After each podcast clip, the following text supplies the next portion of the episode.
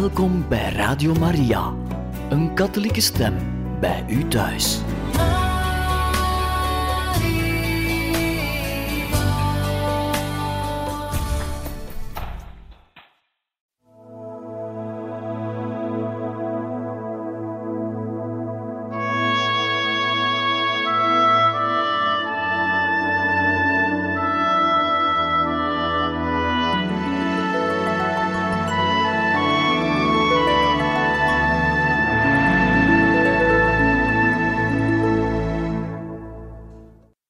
Luisteraars van Radio Maria, hartelijk welkom in dit programma Heilige Getuigen, waar wij vandaag beginnen met een nieuw heilige leven, namelijk het leven van kardinaal Mincenti, geschreven door Jozef Keuzi Horvat, met een voorwoord van pater Werenfried van Straten, die Kerk in Nood Oostpriesterhulp gesticht heeft. In de kerkgeschiedenis is er vermoedelijk geen tijdperk te vinden waarin de beleiders en martelaars zo systematisch en hardnekkig veronachtzaamd of doodgezwegen zijn als de beleiders en martelaars van onze tijd. Dit is volledig in tegenspraak met de geest van de kerk. Hoe aangrijpend is in het evangelie de onthoofding van Johannes de Doper weergegeven. Hoe zorgvuldig worden in de brieven van Sint Paulus zijn veelvuldige beproevingen, of in de handelingen de mishandeling van de apostelen en de marteldood van de heilige Stefanus beschreven. Hoe nauwgezet werd in de akte der martelaren het lijden van de vervolgde christenen opgetekend en bekendgemaakt. De eerste christenen waren vervuld van eerbied voor hun broeders die omwille van Christus vervolging leden. De martelaars waren de allereerste die als heilige vereerd werden. De heilige Eucharistie werd gevierd op hun graf om de geestelijke verbondenheid met hun levensoffer uit te drukken. Van deze verbondenheid is in onze dagen weinig meer te bespeuren. Ofschoon de kerk sinds zestig jaar geteisterd wordt door een vervolging die omvangrijker, geraffineerder, gruwelijker, gevaarlijker en intensiever is dan elke andere vervolging in het verleden, wordt door velen als een teken van onverdraagzaamheid beschouwd deze vervolging aan te klagen. In onze tijd van eenzijdig pacifisme, nu het decadente Westen liever met heidenen en moordenaars dan met God in vrede wil leven? Storen de klachten en het bloed der vervolgden de rust der zakenlieden en de bedrijvigheid van de diplomaten? Daarom wordt de kerkvervolging thans doodgezwegen. Daarom wordt verhinderd dat het lijden der martelaars ons dag en nacht voor de geest zou staan. Daarom worden de wanhoopsbrieven van de onderdrukte in de papiermanden van de Verenigde Naties en van de Wereldraad der Kerken geworpen. Daarom beleven wij ook in het grote gezin van de katholieke kerk het liefdeloze schandaal dat Gods beste en meest beproefde kinderen door hun eigen broers en zusters verlogend en vergeten, of zoals door Hans Jacob Stele in zijn boek over de Oostpolitiek van het Vaticaan als dommerikken beschouwd worden. Wellicht heeft niemand van onze tijdgenoten zozeer als kardinaal Mincenti tot in het diepste van zijn ziel onder dit schandaal geleden. Daarom willen wij geloven dat deze kostbare Hongaarse graankorrel, die op 15 mei 1975 in Maria's tuin in de aarde gevallen is, niet alleen blijft, maar rijke vrucht zal brengen want de ziel van deze rechtschapene is in Gods hand. God heeft hem beproefd en hem waardig bevonden. God heeft hem beproefd. Hij moest een kruisweg gaan waarop nauwelijks een andere kardinaal hem is voorgegaan. Hij ging hem in voorbeeldige trouw, zonder haat tegen zijn vervolgers, maar ook zonder uit te wijken waar compromis of vlucht hem het leven had kunnen vergemakkelijken. Hij is de Heer trouw gevolgd. Want waar Christus was, daar moest ook zijn dienaar zijn. Hij heeft verschrikkelijk geleden. Niemand die op 5 februari 1949 tijdens de radio-uitzending van zijn proces zijn stem gehoord heeft, zal ooit de toon vergeten waarmee hij telkens weer Igenis, Igenis, ja, ja, zo is het, zei.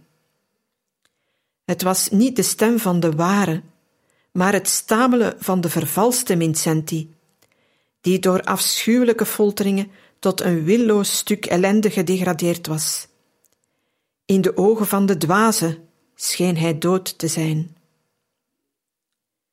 Meer nog heeft hij geleden toen in het klimaat van de vreedzame coexistentie zijn stralende gestalte zo systematisch door bedrog en laster verduisterd werd, dat Christus verwijt: Jeruzalem, Jeruzalem, dat de profeten vermoord en stenigt die tot u gezonden worden, ook voor de kerk van heden kan gelden. Daardoor heeft hij zijn leven in de wereld verloren, maar het voor de eeuwigheid behouden. Nog smartelijker was zijn kruis dat hij zelf het zwaarste van zijn leven genoemd heeft, toen hij zijn geliefd vaderland moest verlaten. God heeft hem getoetst en hem waardig bevonden. Later heeft hij geleden onder ontelbare brieven uit Hongarije, zoals deze waarin hij las: Ik schrijf deze regels voor het aanschijn van God. Ik ben een Hongaarse priester die bereid is zijn leven te geven voor de kerk. Ik vrees dat er in de katholieke kerk priesters en bisschoppen zijn die zich niet kunnen voorstellen hoe diep onze vernedering is. De Hongaarse kerk is de slavin van de communistische staat geworden. In werkelijkheid wordt zij niet bestuurd door de hiërarchie, maar door commissarissen van de communistische partij. Het door hen gecontroleerde bisschoppelijke bestuursapparaat is een uitvoerend orgaan van het atheïstische staatsgezag.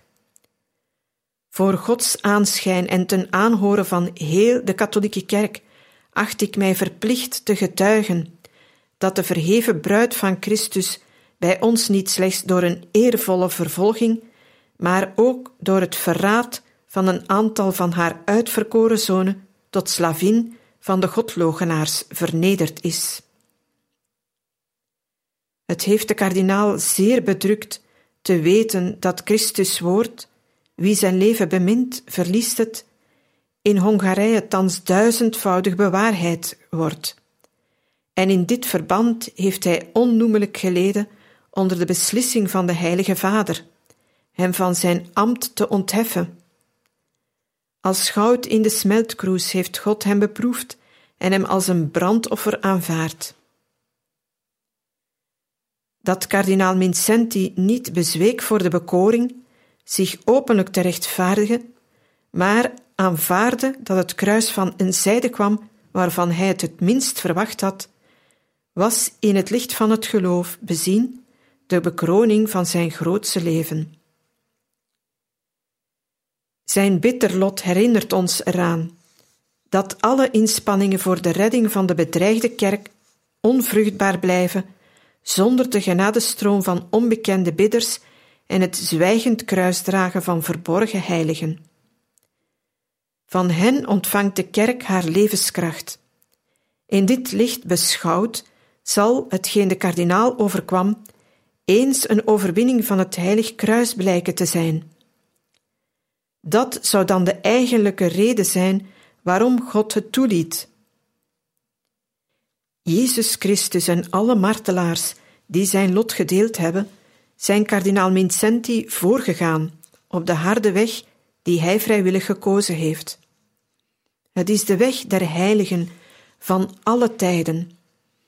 Zij zijn even rechteloos als Gods eigen zoon, die de gestalte van een slaaf heeft aangenomen en die gehoorzaam geworden is tot aan de dood op het kruis. Dit kruis der gehoorzaamheid is de grondwet van het christendom. Bij alle loffelijke en noodzakelijke pogingen om ook binnen de kerk de rechten van de mens beter te doen eerbiedigen, mogen wij ons geen illusies maken en nooit vergeten dat wij moeten trachten de weerloze volgelingen te zijn van Hem, die als een rechteloze gestorven is en die niet alleen zijn leven, maar ook zijn dood in ieder van ons wil voortzetten. Dat een reus van de kerkgeschiedenis als kardinaal Vincenti zich nederig aan deze wet heeft onderworpen, is een teken van grote heiligheid en een voorbeeld voor allen die gebukt gaan onder het zware en soms onbegrijpelijke kruis van de kerkelijke gehoorzaamheid. Wachtend op de wonderen die God tot redding van zijn kerk spoedig door zijn bemiddeling mogen verrichten, kunnen wij het wagen reeds nu te zeggen: Corona aurea super caput eus. Een gouden kroon draagt hij op het hoofd. Want zalig die vervolgd worden om de gerechtigheid, want hun behoort het rijk der hemelen. Zalig zijt gij wanneer men u beschimpt, vervolgt en lastelijk van allerlei kwaad beticht om mijnentwil. Verheugt u en juicht, want groot is uw loon in de hemel. Zie Matthäus hoofdstuk 5, vers 10 tot 12. Mogen dit boek, dat ik een wereldwijde verspreiding wens, ertoe bijdragen dat wij ons met meer eerbied neerbuigen voor de vervolgde broeders, die meer dan anderen de tempels van de Heilige Geest zijn, en dat onze gedachten steeds weer teruggaan naar de grote kardinaal, die eens vereerd en bewonderd zal worden als martelaar in de kerk van het zwijgen en als beleider in de kerk van de zelfvernietiging. Wie zijn aanwezigheid heeft mogen beleven, was getroffen door de verhevenheid, de deemoed en de gloed van deze mens, die de kerk verpersoonlijkte en haar lijden in zichzelf onderging. Niets wat vals of laf was, kon bestaan voor de bliksem van zijn oog, waaruit tegelijkertijd goedheid en liefde straalde. Wee ons als wij Hem vergeten. Tot zover het voorwoord van Pater Werenfried van Straten.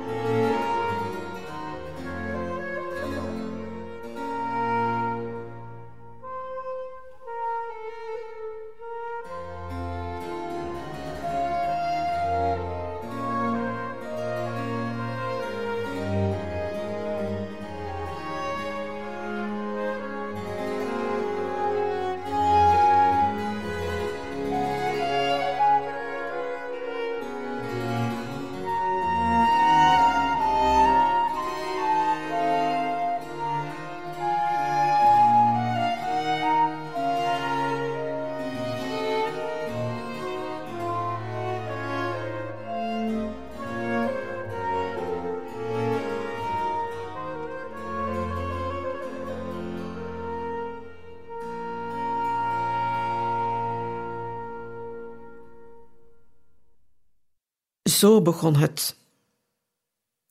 De Donau, die stroomt van west naar oost, verandert haar loop in Hongarije.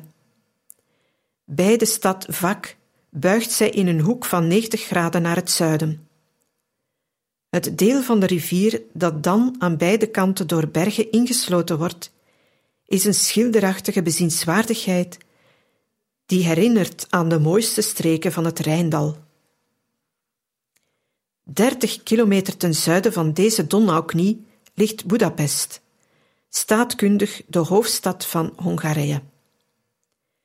Twintig kilometer naar het westen, bij de ingang van de Donauengte, onmiddellijk aan de rechteroever van de rivier, ligt Estergom, de kerkelijke hoofdstad van het land met haar op een rots gebouwde neoclassieke koepelkerk. In de geschiedenis van Hongarije speelt Estergom sinds duizend jaar een belangrijke rol. De burcht, gebouwd door Stefan de Heilige, de eerste koning en apostel der Hongaren en zwager van de heilige keizer Hendrik II, is in de eerste eeuwen de residentie geweest van de Hongaarse vorsten. Ook de aartsbisschop van het gelijknamig diocees had daar zijn zetel. Tussen het koninklijk slot en het aartsbisschoppelijk paleis staat de Romaanse kathedraal, die later is verbouwd in gotische trant en die is toegewijd aan de Maagd Maria, patrona Hungarië, de patrones van Hongarije, en aan de heilige Adalbert. In het midden van de dertiende eeuw liet Bela IV, de broer van de heilige Elisabeth, in Boeddha een nieuwe hoofdstad bouwen. Het oude slot schonk hij aan de aartsbisschop. Bijna van het begin af aan bekleedde de aartsbisschop van Estergom, zowel in de kerk als in de staat, een bijzondere positie. Hij riep de nationale vergadering bijeen en kroonde de koning. Niet alleen in religieus, maar ook in politiek opzicht was hij de voornaamste hoogwaardigheidsbekleder van Hongarije. Ook nu nog staat de primaat van Hongarije boven de andere aartsbisschoppen en bisschoppen, terwijl in andere landen alleen nog maar de titel bestaat. Hij was en is de voorzitter van de bisschoppenconferentie. De aartsbisschoppen die voor de Turken waren gevlucht naar Nagi Sombat, het tegenwoordige Trnava in Slowakije, konden pas in het begin van de vorige eeuw terugkeren naar hun totaal vernielde bisschopstad. Op de plaats van de oude dom op de berg lieten zij de tegenwoordige monumentale basiliek oprichten. De nieuwe residentie, een gebouw opgetrokken in de stijl van de barok, staat aan de voet van de berg dicht bij de rechter Donauoever. Tegen het eind van de Tweede Wereldoorlog werd Estergom opnieuw het strijdtoneel. Tot driemaal toe liep de frontlinie dwars door de stad. Tweemaal verlangde de commanderende Duitse generaal van kardinaal Seredi dat hij de stad zou verlaten. Het antwoord was: De herder mag bij gevaar zijn kudde niet in de steek laten. Drie dagen na de tweede val van de stad, op Witte Donderdag, 29 maart 1945, stierf de kardinaal geheel plotseling aan zijn schrijftafel. Zijn stoffelijk overschot werd op 2 april 1945 bijgezet in de crypte van de zwaar beschadigde basiliek. Ook de stad, zoals zij lag uitgespreid aan de voet van de berg waar de burcht op stond, bood de geestelijke en wereldlijke hoogwaardigheidsbekleders die op de begrafenis kwamen een treurig beeld. Nadat de kardinaal naar zijn laatste rustplaats was gebracht, rees onder de aanwezige prelaten de vraag wie in de troosteloze toestand waarin het land zich bevond, in staat en ook bereid zou zijn het schip van de kerk te besturen. Twee namen werden genoemd: Vilmos Apor, de bisschop van Gieur, en Jozef Mincenti, de bisschop van Vespreem. Beiden waren met hun 53 jaar nog betrekkelijk jong. Beiden hadden tientallen jaren in de zielzorg gestaan, verheugden zich in de algemene achting op grond van hun ascetische levenshouding en hun maatschappelijke instelling en hadden dapper gestreden tegen het nationaal socialisme. Bij gebrek aan goede nieuwsmedia wisten de mannen op het moment dat zij zich aan het beraden waren over de opvolging nog niet dat een van hun kandidaten, Vilmos Apor, al dood was. Vier dagen tevoren, op Goede Vrijdag, was hij zwaar gewond geraakt toen hij vrouwen en meisjes verdedigde die de schuilkelder van zijn residentie waren binnengevlucht voor het Rode Leger. Een paar uur voor de bijzetting van de kardinaal stierf hij in het ziekenhuis van Gieur. In overeenstemming met de aanbeveling van de nuntius en van het episcopaat benoemde paus Pius XII Jozef Mincenti tot opvolger van kardinaal Seredi. De aanbeveling van Angelo Rotta luidde als volgt: Indien ik gedwongen zou zijn Hongarije te verlaten, zou er geen waardiger en trouwer vertegenwoordiger van Rome kunnen zijn dan Jozef Mincenti. Op 15 september 1945 werd de beslissing van de paus door bisschop Jozef Greus, de aartsbisschop van Kalosha, die in rang de oudste was, bekendgemaakt. Na een klein half jaar kreeg de nieuwe primaat ook de kardinaalshoed. Jozef Mincenti was een slanke man van gemiddelde lengte. Ondanks zijn ernstige aard had hij gevoel voor humor en wist hij het wapen van de ironie te hanteren. Zijn werkkracht en wilskracht lagen ver boven het gemiddelde. Hij was een diepgelovig katholiek en verlangde heel weinig voor zichzelf. Zijn levensloop. De levensloop van Jozef Mincenti. Hij werd op 29 maart 1892 in Mincent geboren. Mincent is een zuiver Hongaars dorp in het graafschap Vas aan de Oostenrijkse grens. Zijn ouders waren boeren. Zowel naar gestalte als naar aard leek hij meer op zijn moeder dan op zijn vader. Deze gelijkenis heeft misschien een belangrijke rol gespeeld in de verhouding tussen moeder en zoon, die zo innig was dat er in de wereldgeschiedenis en in de wereldliteratuur nauwelijks een vergelijking aan te wijzen is. In zijn boek Moeder, dat ook in verschillende wereldtalen verschenen is, richt de dankbare zoon een onvergetelijk monument op voor deze verstandige, energieke, warmhartige en vrome boerenvrouw. Zijn familienaam was Peem, ten teken van protest tegen de Hitlerpropaganda die toen ook in Hongarije werd verspreid, legde hij in het jaar 1941 deze Duits klinkende naam af en noemde zich alleen nog maar Mincenti, ter herinnering aan zijn geboortedorp.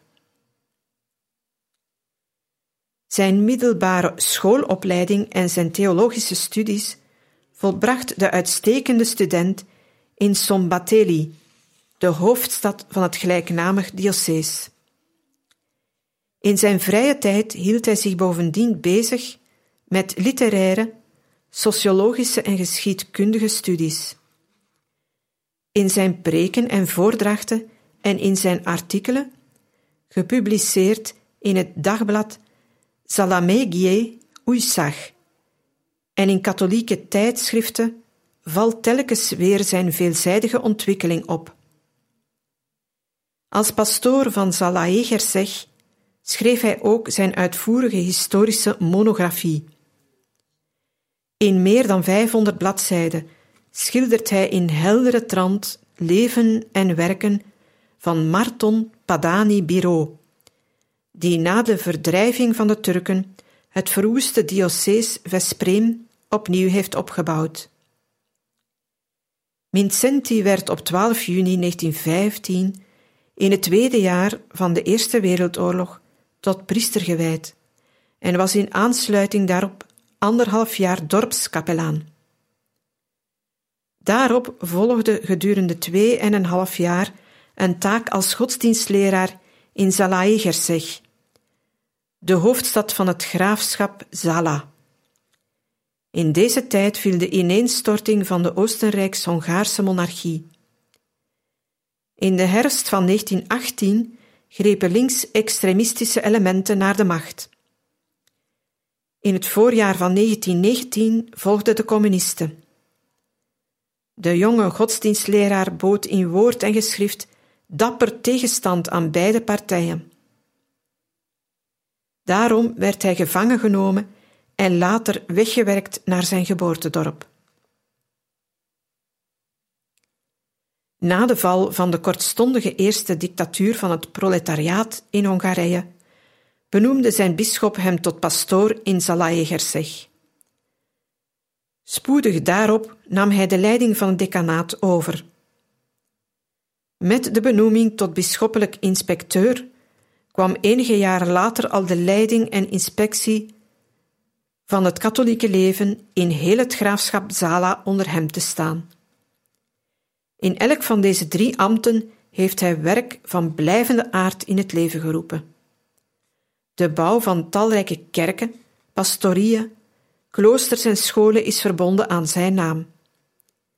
Hij stond zijn gelovigen bij, niet alleen bij kwesties van geestelijke aard, maar ook bij de oplossing van hun maatschappelijke en overige problemen. Het is moeilijk te geloven, maar toch is het overeenkomstig de waarheid dat hij alle namen kende van de 12.000 katholieken die in het stadsgebied woonden, en ook nog van de 2000 andersdenkenden. Ter erkenning van zijn verdiensten werd hij in het jaar 1937 door Paus Pius XII tot pauselijk prelaat benoemd. Na de Anschluss van Oostenrijk bij Duitsland in 1938 werd ook in Hongarije, dat nu het onmiddellijke buurland van het Hitlerrijk was geworden, de groot-Germaanse geestdrijverij en de nationaal-socialistische propaganda verhevigd. De prelaat, die in die tijd reeds een man van groot aanzien was, verzette zich met alle kracht tegen deze agitatie. Een van zijn tegenstanders zei later: Vincenti was de standvastigste, ernstigste en meest vastbesloten tegenstander van het nationaalsocialisme. Gedurende de Tweede Wereldoorlog was er nauwelijks nog een vergadering van leidende katholieke persoonlijkheden denkbaar, zonder dat daarbij de pastoor van Zalaegerszeg werd uitgenodigd. Zo nam hij eind augustus 1943 deel aan de conferentie in de bisschopstad Raap, die stond onder voorzitterschap van bisschop Vilmor Appor. De leiders van de katholieke actie die langs de weg van vertrouwelijke uitnodigingen bij elkaar geroepen waren, kwamen toen der tijd tot de conclusie dat Hitler de oorlog al verloren had. Met een benoemingsoorkonde, uitgegeven op 4 maart 1944, stelde paus Pius XII prelaat Jozef Vincenti aan het hoofd van het grote en dichtbevolkte diocese Vespreem, in het hart van westelijk Hongarije. Na 27 jaar verliet de zielenherder de stad Zalaegerszeg. De laatste zinnen van zijn afscheidsrede tonen niet alleen de omvang en de diepgang van zijn werk, maar werpen ook een licht op het karakter van Jozef Vincenti. Er is nauwelijks iemand, zo zei hij, die niet in mijn biechtstoel om de absolutie heeft gevraagd. Er is nauwelijks een gezin dat ik niet heb gekend, nauwelijks een kind dat ik niet in de ogen heb gezien.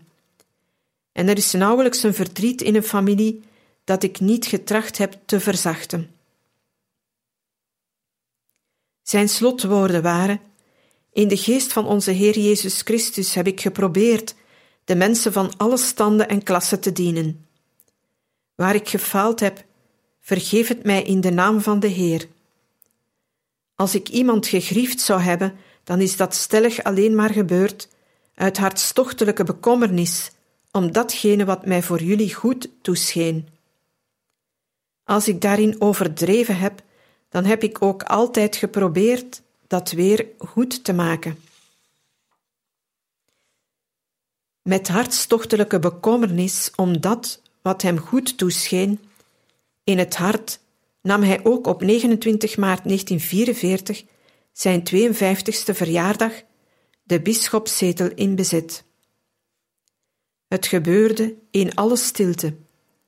Het land was in rouw, want de troepen van Hitler, die niet tevreden was over de politiek van de Hongaarse regering, hadden tien dagen tevoren Hongarije bezet.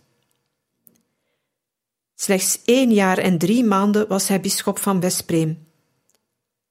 Van deze tijd bracht hij bijna een half jaar door in de gevangenis. Daardoor kon hij ook de hervormingsplannen die hij in gedachten had, niet verwezenlijken.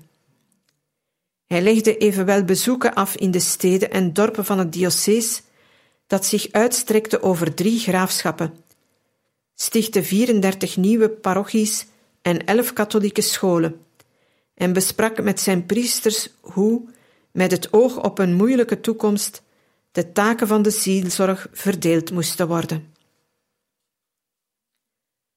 Ondertussen werd het Hongaarse vaderland voor de verschrikkelijkste machthebbers van de nieuwe wereldgeschiedenis, Stalin en Hitler, tot het podium van hun bloedig toneelstuk. De Sovjet-troepen maakten zich al klaar voor de belegering van Budapest.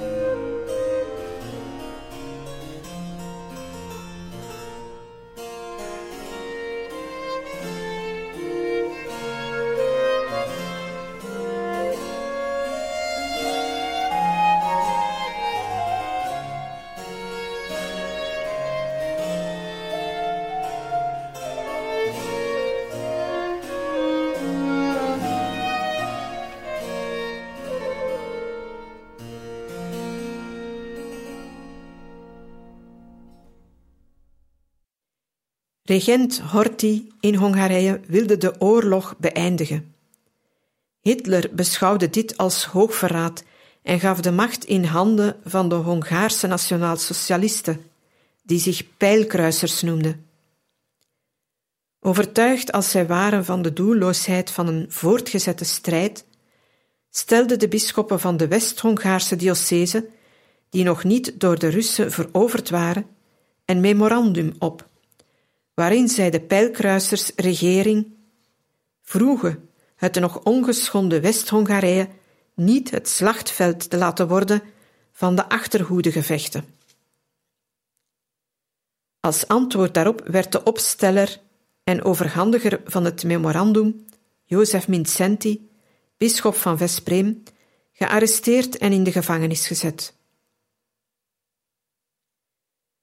Toen zij op de vlucht sloegen voor de Russische troepen, lieten de bewakers de gevangen bisschop achter, zonder hem ook maar iets mee te delen. Nadat het krijgslawaai was verstomd, begaf de vrijgeworden prelaat zich op de terugweg samen met drie priesters die de gevangenschap met hem hadden gedeeld. De stad Vespreem bevond zich in een onbeschrijfelijke toestand. De Sovjetsoldaten hadden zowel de kerkgebouwen als het bisschoppelijk paleis volkomen uitgeplunderd. De kathedraal was geteisterd door een troep vrouwelijke soldaten en volslagen leeggeroofd. Paramenten en altaargewaden waren voor eigen gebruik aan stukken gesneden. Ze hadden bijzondere belangstelling gehad voor de bonte misgewaden.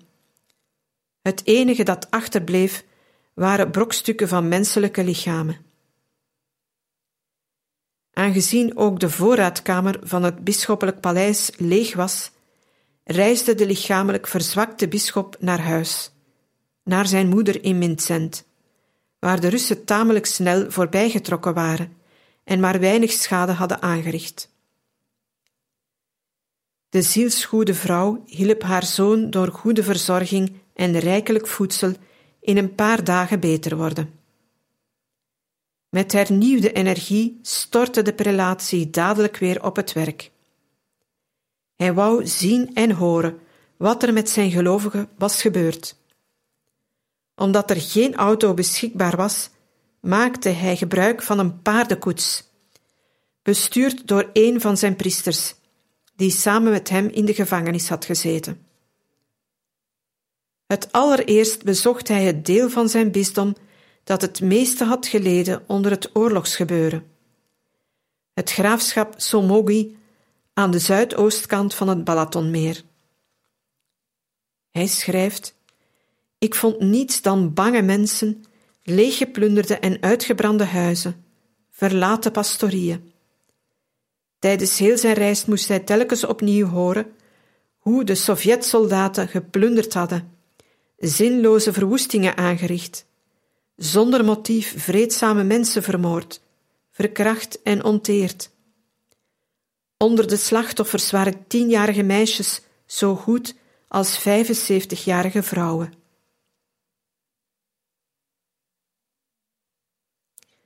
Op de bisschoppenconferentie die in mei 1945 in Budapest werd gehouden, brachten de opperherders van alle twaalf diocesen verslag uit van soortgelijke gruweldaden. Na de sluiting van deze conferentie ging Vincenti door met zijn bezoeken aan de parochies. Tijdens deze rondreis bereikte hem het bericht dat Paus Pius XII hem tot aartsbisschop van Estergom had benoemd. Dit hield tevens in dat de jongste bisschop van het land nu ook hoofd van het episcopaat was geworden en primas Hungariae, primaat van Hongarije. De nuntius Angelo Rotta, de gezant van het Vaticaan die vertrouwd was met de toestand in Hongarije, was niet meer in Budapest toen de benoeming van zijn beschermeling een feit werd. De opperbevelhebber van de Sovjetbezettingstroepen had hem uit het land gewezen. De aanwezigheid van een pauselijk gezant paste niet in de anti-kerkelijke plannen van Stalin en van de communistenleider Matthias Sarkozy, die van Moskou naar Hongarije was teruggekeerd. Ze waren beide van mening dat zij met een Hongaarse kerk, afgesneden van Rome en van de katholieke landen in het Westen, met minder moeite en meer vaart klaar zouden komen. De storm trotserend. Jozef Vincenti werd op 7 oktober 1945 geïnstalleerd als aartsbisschop van Esztergom en primaat van Hongarije. De ceremonie werd behalve door de delegaties van de plaatselijke en landelijke kerkelijke organen ook bijgewoond door vertegenwoordigers van de voorlopige Hongaarse regering en van het Rode Leger. De nieuwe primaat hield zijn intronisatierede, als het ware in tweegevecht met het woede en razen van een storm die met de kracht van een orkaan losbrak uit de bergen van Opper-Hongarije en tekeer ging door de vensternissen van de doom. Hij legde er de nadruk op dat hij ook als aartsbisschop en primaat van Hongarije de zielzorg als zijn eerste en voornaamste opdracht beschouwde. Ik wil, zei hij, een goede herder zijn, die als het moet zijn leven geeft voor zijn kudde, voor zijn kerk, voor zijn vaderland. Deze in tweegevecht met de storm gehouden preek gaf als symbool verbijsterend helder uitdrukking aan de nooit aflatende apostolische strijd van de daaropvolgende drie actieve jaren als primaat. De eerste storm die Jozef Vincenti de wacht aanzegde, was de storm van de sociale ellende. In de winter van 45 op 46 zullen wij als zielzorgers alleen dan iets bereiken als de caritas alles wat wij doen overstraalt. In deze geest spoorde hij van de kansel ook zijn gelovigen aan. Laten wij niet blijven treuren om de dingen die verloren zijn gegaan. Laten wij delen wat ons overgebleven is. Hij vroeg de bevolking van de gebieden die voor de plunderingen van het Rode Leger gespaard waren gebleven, per rondschrijven om hulp. Hij vroeg de hongerende broeders van Budapest levensmiddelenpakketten te sturen en in de winter kinderen uit de hoofdstad bij zich in huis te nemen.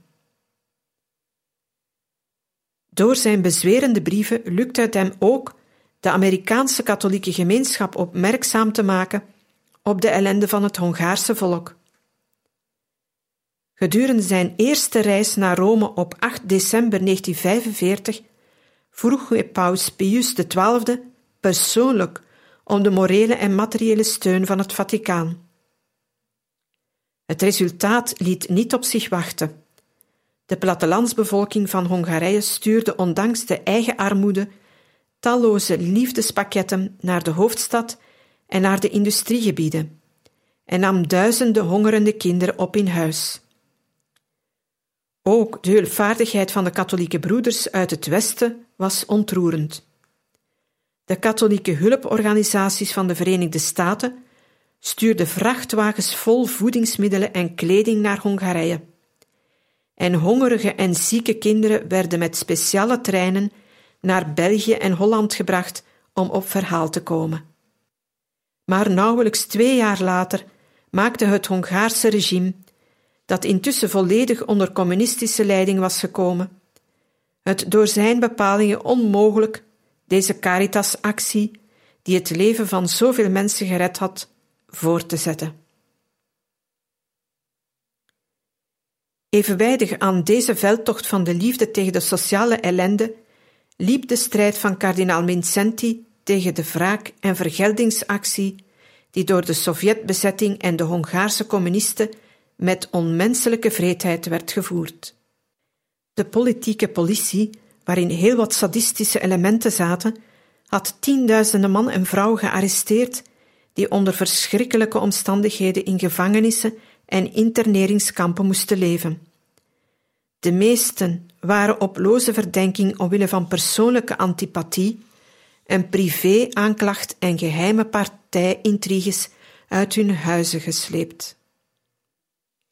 Beste luisteraars, we beëindigen hier voor vandaag deze eerste lezing uit het boek Kardinaal Mincenti, geschreven door Jozef Keuzi Horvat, en gaan volgende keer verder met het onderwerp De storm trotserend. Wij hopen dat deze lezing u veel deugd heeft gedaan, wensen u nog een gezegende avond toe en tot een volgende maal.